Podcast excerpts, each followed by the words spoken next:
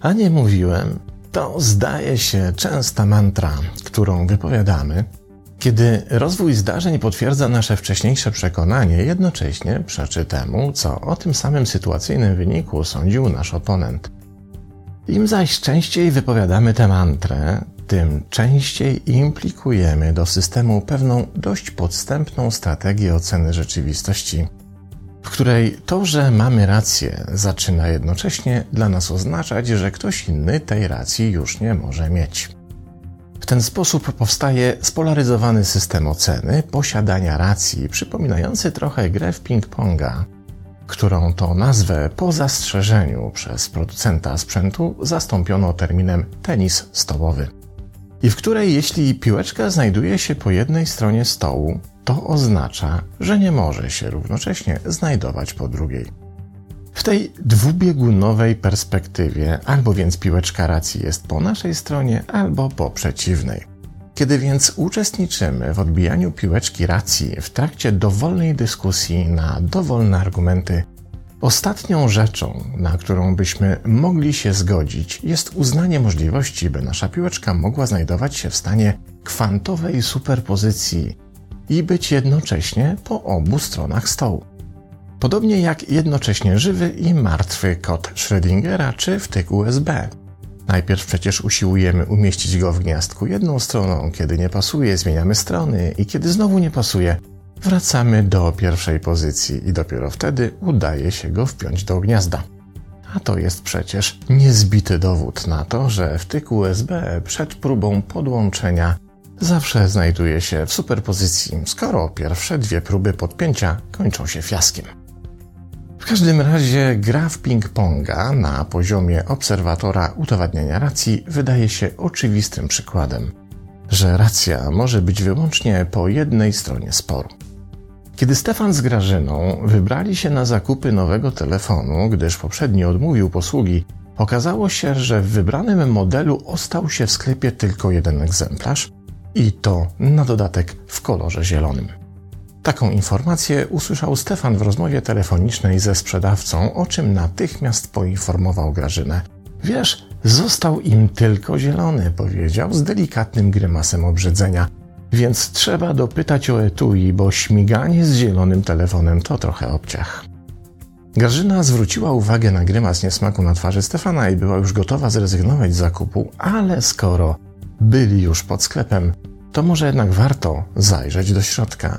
Tamże, kiedy sprzedawca przyniósł pokazać ten zielony zdaniem Stefana koszmar, Grażyna klasnęła w dłonie i oznajmiła, że telefon jest i owszem śliczny, tyle, że nie zielony, ale pistacjowy, a nawet lekko wchodzący w miętowy. Stefanowi oczy wyszły z orbit i postanowił odwołać się do instancji wyższej i rozstrzygającej, więc zagadnął sprzedawcę: Weź pan się zlituj i powiedz, jaki to jest kolor. Jakby nie patrzeć zielony, powiedział sprzedawca i przezornie usunął się Grażynie z linii strzału, znikając na zapleczu. Pistacjowy nie dawała za wygraną Grażyna. Chcesz się przekonać, kto ma rację? Teraz Stefanowi oczy zrobiły się jak ping-pongi i delikatnie mówiąc, lekko się spocił. Po czym roztropnie odpowiedział: Jeśli ty masz rację, to jest przecież oczywiste, że ja jej nie mam, a więc pistacjowy. Myron Nelson, psychoterapeuta i licencjonowany doradca kliniczny, w jednym ze swoich artykułów zwraca uwagę, jak często dychotomia racji staje się przeszkodą nie tylko w kontekście nieporozumień co do odrębnych zdań na konkretny temat pojawiających się w naszych relacjach, ale przede wszystkim w kontekście możliwości rozwiązania problemów, które są zgłaszane przez innych i które dla nas wydają się być nieuprawnione czy wręcz wyssane z palca. Najprostszym przykładem może być sytuacja, w której kilkunastolatek zmagający się z depresją słyszy od rodzica czy nauczyciela: Nie bądź taki smutny, przecież nie masz do smutku najmniejszego powodu.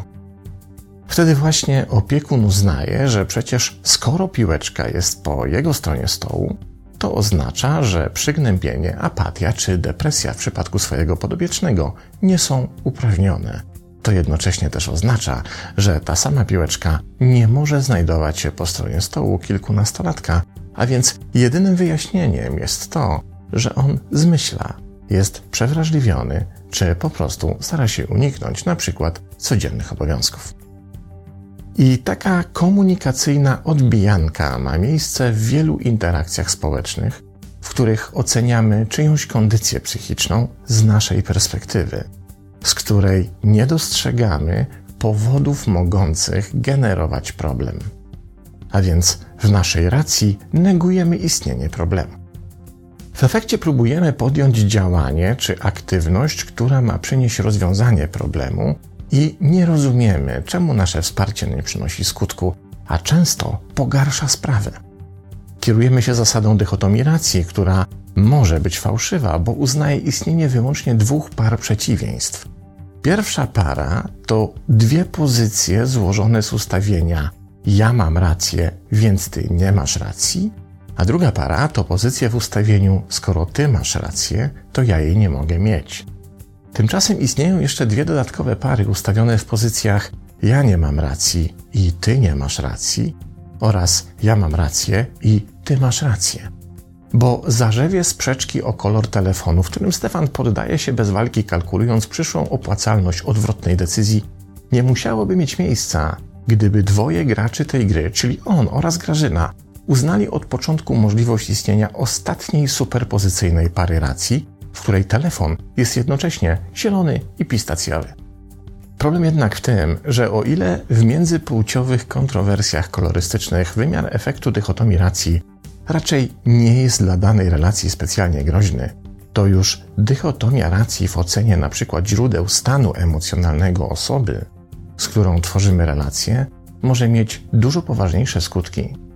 A jednym z nich może być recepcja bagatelizowania problemu, która zawsze odbija się echem pod postacią uderzenia w poczucie własnej wartości, skąd już tylko krok do coraz to trudniejszego utrzymania odpowiedniej bliskości i więzi. Nelson wskazuje, że ignorowanie zasady superpozycji racji jest szczególnie niebezpieczne przypadku zaburzeń depresyjno-lękowych, kiedy dochodzi do oceny możliwości sprawczych osoby cierpiącej na takie właśnie zaburzenia. Osoba w depresji widzi w lustrze kogoś bezwartościowego, podczas kiedy jej starający się otoczyć ją opieką bliscy usiłują ją za wszelką cenę przekonać, że nie ma racji we własnej samoocenie, bo rację stanowi wyłącznie ich ocena, w której uznają ją za osobę bardzo wartościową.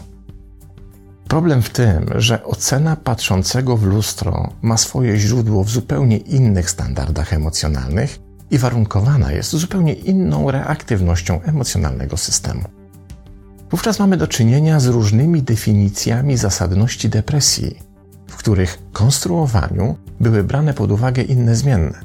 W ten sposób, zamiast wsparcia, które z życzliwością i troską jest oferowane przez najbliższych, w rzeczywistości osoba zmagająca się z konkretnym zaburzeniem otrzymuje jedynie potwierdzenie tego, że jej najbliższe otoczenie nie rozumie jej stanu, nie docenia jego wagi i deprecjonuje cały system jej odczuć. W efekcie, w percepcji osoby zmagającej się z zaburzeniem lękowym pomoc okazuje się tak naprawdę opresją, która jedynie zwiększa problem, bo wprowadza do interakcji dodatkowe poczucie wyobcowania i niezrozumienia. Ten efekt jest obecny nie tylko wówczas, kiedy w naszym najbliższym otoczeniu znajduje się osoba doświadczająca jakiegoś konkretnego problemu, np. zaburzeń lękowych, ale również w sytuacjach, w których po prostu nie potrafimy się ze sobą dogadać.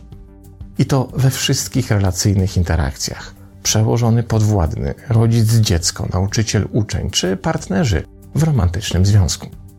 Wystarczy sobie przypomnieć, ile razy, nawet w najdrobniejszych sprzeczkach, kierowaliśmy się wyłącznie dychotomią racji z jej jedynie dwiema możliwymi pozycjami. Jeśli ja mam rację, to ty jej nie masz, i jeśli ty masz rację, to ja jej nie mogę mieć. A dzieje się tak, bo w emocjonalnym wzburzeniu ostatnią rzeczą, którą jest w stanie zaakceptować nasze ego, jest to, że racja może być po drugiej stronie. Kiedy zaś toczymy spór o obecność ping-pongowej piłeczki na własnej stronie stołu, jakoś nie bierzemy pod uwagę faktu możliwości istnienia superpozycji, do której odkrycia wystarczy prosta zmiana perspektywy, w której nasza konstrukcja posiadania racji nie wyklucza racji po drugiej stronie, bo obydwie racje mogą mieć zupełnie różne fundamenty i co najważniejsze, w każdym z tych wypadków zasadne i prawdziwe. Bo poczucie posiadania racji nie bierze się znikąd, zawsze jest opierane na jakichś konkretnych przesłankach służących nam do zbudowania zasadności sądów.